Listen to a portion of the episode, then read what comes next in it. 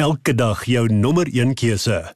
Radio Deugerberg 104 FM. Baie welkom weer by ons geselsie weekliks waar ons vir jou wil help om lewenskwessies sommer kaalvuis aan te pak en op 'n punt te kom waar jy sê, "Maar ek, ek kies lewe.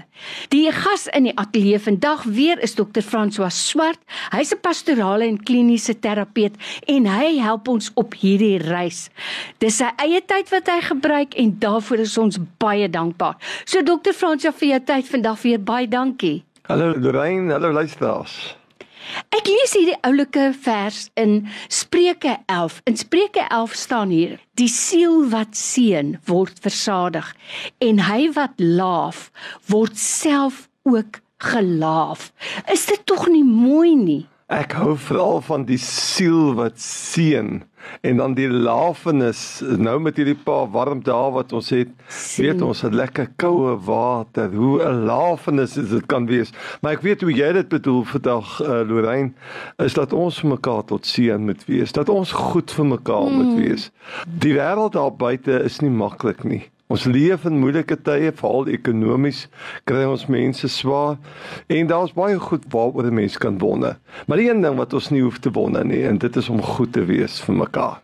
Nou, Dr. François, dit is vir my asof mense vandag net vir hulle self lewe.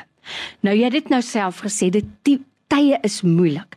So ek moet heel eers omsien na my en my gesin se welstand en dit is vir my asof mense se energie so uitgeput word en hulle so uitgebrand word met die sorges in hulle eie lewe dat daar niks oorbly vir die volgende persoon nie. So, hoe balanseer 'n mens daai toertjie dat jy ook vir ander tot seën kan wees. Ek dink Lorraine wat moet gebeur by ons elkeen as gelowiges, as volgers van Jesus. As ons net weer luister wat hy vir ons gesê het in Matteus 28, gaan dan heen na 'n wêreld toe en gaan verkondig, maak my blye nuus bekend. En doop die ouens, by ander woorde seën hulle en leer hulle hoe om te leef. Die kuns om te lewe, die kuns om te geniet kom nie van self nie. 'n Mens moet vra daarvoor. Jy moet vir die Heilige Gees vra om vir jou elke dag van niets af energie te gee om pertinent op die uitkyk te wees. Waar kan ek 'n verskil maak? En dit is soos jy sê, ons kan elkeen so in ons gesinne opgaan, so in ons dagtaakies Maar eh, kom ons sê dit vir mekaar as luisteraars in hierdie program vanmiddag. As ek deel van my lewe net 2 of 3 goed per dag in my werkkring, net om in te stap, bietjie te sit, aan te gaan met my werk, beplanning te doen en net oor te stap na die kantoor oorkant my en net vir 'n persoon te gaan vra. Sê vir my, hoe gaan dit met jou? Mm. Stel net belang in iemand anders. By die pomp joggie toe kom, by die persoon wat moeg is daar by 'n uh, inkopiesentrum wat vir jou die kasregister werk net vir 'n oomblik te sê ek sien jy's moeg mm. maar uh, jy doen goeie werk om om komplimente uit te deel wat natuurlik reg is dis om seker te maak dat jy ten minste 2 of 3 pertinente goedes doen wat jy weet maar hierdie persoon gaan dit nie verwag nie maar die persoon gaan goed voel daaroor Sjoe, hoe positief is dit nie nou by my in die ateljee is dokter François Swart, pastorale en kliniese terapeut. Dokter François, ek sien nou die dag so mooi ding. Die skoonmaker hier buite, die opsigter wat die parkeerterrein skoon hou en hier aan die kant hou. Hy loop maar altyd met sy besem en sy graafie en hy maak skoon. En nou die dag sien ek hom staan ek was so amper in trane met sy hand op die skouer van 'n man wat in die asblik grawe en hy bid vir hom. Nou wat my so geraak het daarvan, ek het net besef fisies het hy niks om te gee nie. Van aardse goed het hy weinig. Maar hy gee die grootste geskenk ooit. Nou daai is lafenis wat niks kos nie. So ek dink ons val vas in die idee dat ons dink dit moet altyd iets kos. Dit gaan my geld kos om te gee nie waar nie. Ek dink so en en ons kan in elke dag se lewe kan ons bedagsaamheid openbaar. Ek dink maar net op ons paaie, Lorraine, die luisteraars weet om deesdae op die pad te gaan, om net vir iemand voorkeur te gee om te ry. Om net 'n bietjie te wag dat 'n mm. persoon net sy plekkie vind in 'n parkeerarea. Jou hele gesindheid van hoe jy bestuur Maar dit is 'n wonderlike storie wat jy vertel van die persoon met sy hand op die asblik grawe en wat besig is om vir hom te bid. My vrou vertel, sy het iemand wat gereeld daar in haar kantoor inkom en net die asblikke skoonmaak en so 'n bietjie stofsuig en so aan.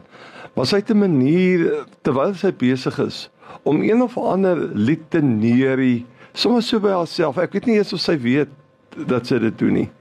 Dis baie keer 'n geestelike lied Maar uh, die manier hoe sy asblikke leegmaak is letterlik met 'n lied in die hart. Mm. Soveel so dat sy eendag vir haar gevra het: "Hoe kry jy dit reg om altyd te sing?" Dis sê sy terwyl ek so werk, is ek net dankbaar dat ek kan werk en ek bring aan die Here die eer. En die feit dat ek nog kan buig en kan opstaan, dit is genoegsaam vir my. Ek weet ek maak 'n verskil. Mevrou, ek wil net vir jou kom sê, ek het 5 minute gelede in jou kantoor ingestap.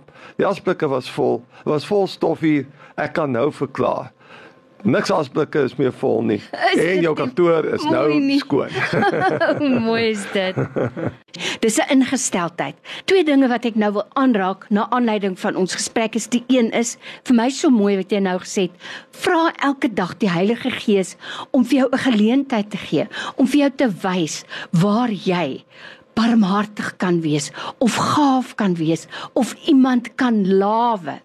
Deur miskien net te vra Hoe gaan dit? Of ek sien jy lyk moeg of jong, dis seker 'n lang dag vir jou. Wanneer maak jou skof klaar? En dan regtig te luister wat die ander persoon sê. Die tweede ding waarby ek gou wil stil staan is, hoe leer ons dit vir ons kinders? Want onthou, hulle is van babatjie tyd mos af, me myself and I. Ja, nee, en uh, ons weet ook daai stadium in jou lewe dat dit so gaan, dit gaan net oor jouself en wat is vir jou belangrik. Ek dink 'n belangrike ding wat 'n mens kan doen is hoe jy as ouers modelleer. Mm. Hoe jy jou man hanteer voor die kinders.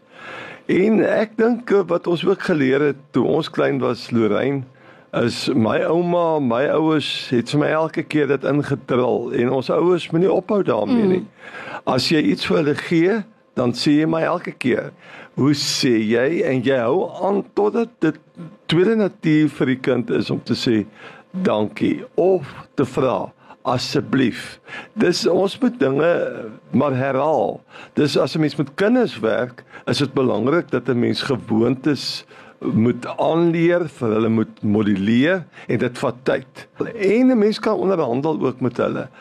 Maar ek verstom my met my eie kleinkinders. Hulle verstaan die woord samewerking. Hmm. As jy nou op hierdie punt samewerking gee, dan gaan ons net nou swem.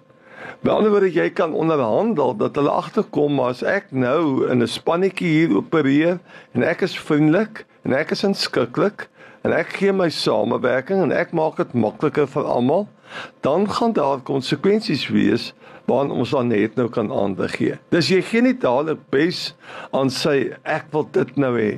Dit is vir my belangrik nie. Sê hou vas, hou vas. Ek kan hoor dis vir jou belangrik, maar ons gaan nou eers dit doen en as ons dit goed gedoen het, dan kom ons by jou versoek.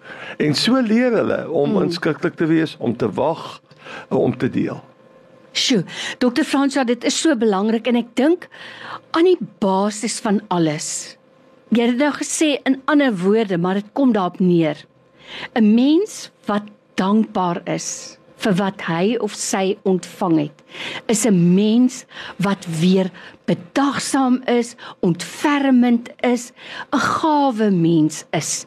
So leer 'n kind om dankbaar te wees, om dankie te sê en ek dink dit gaan makliker wees om die ander vaardighede dan by te bring. Goeie maniere maar veral dankbaarheid dink ek lê maar aan die basis van alles. Ek dink so met dankbaarheid uh dis oefening Lorraine. Mm. Ek sien dit ook met die paartjies wat ek mee werk binne die huwelik dat hulle net eenmal 'n week stil sit en sê, weet jy, ek wil net vir jou sê, hierdie week is ek dankbaar vir dit wat jy vir my mm. gedoen het. En dit te noem en dit dan te dokumenteer. Jy kan ook 'n dagboek hou Maar dit is baie maklik die eerste 3 maande om te sê ek is vir dit dankbaar, ek is vir dit dankbaar. Na 4, 5 maande dan begin jy nou soek nou, nou vir wat kan ek nog dankbaar wees?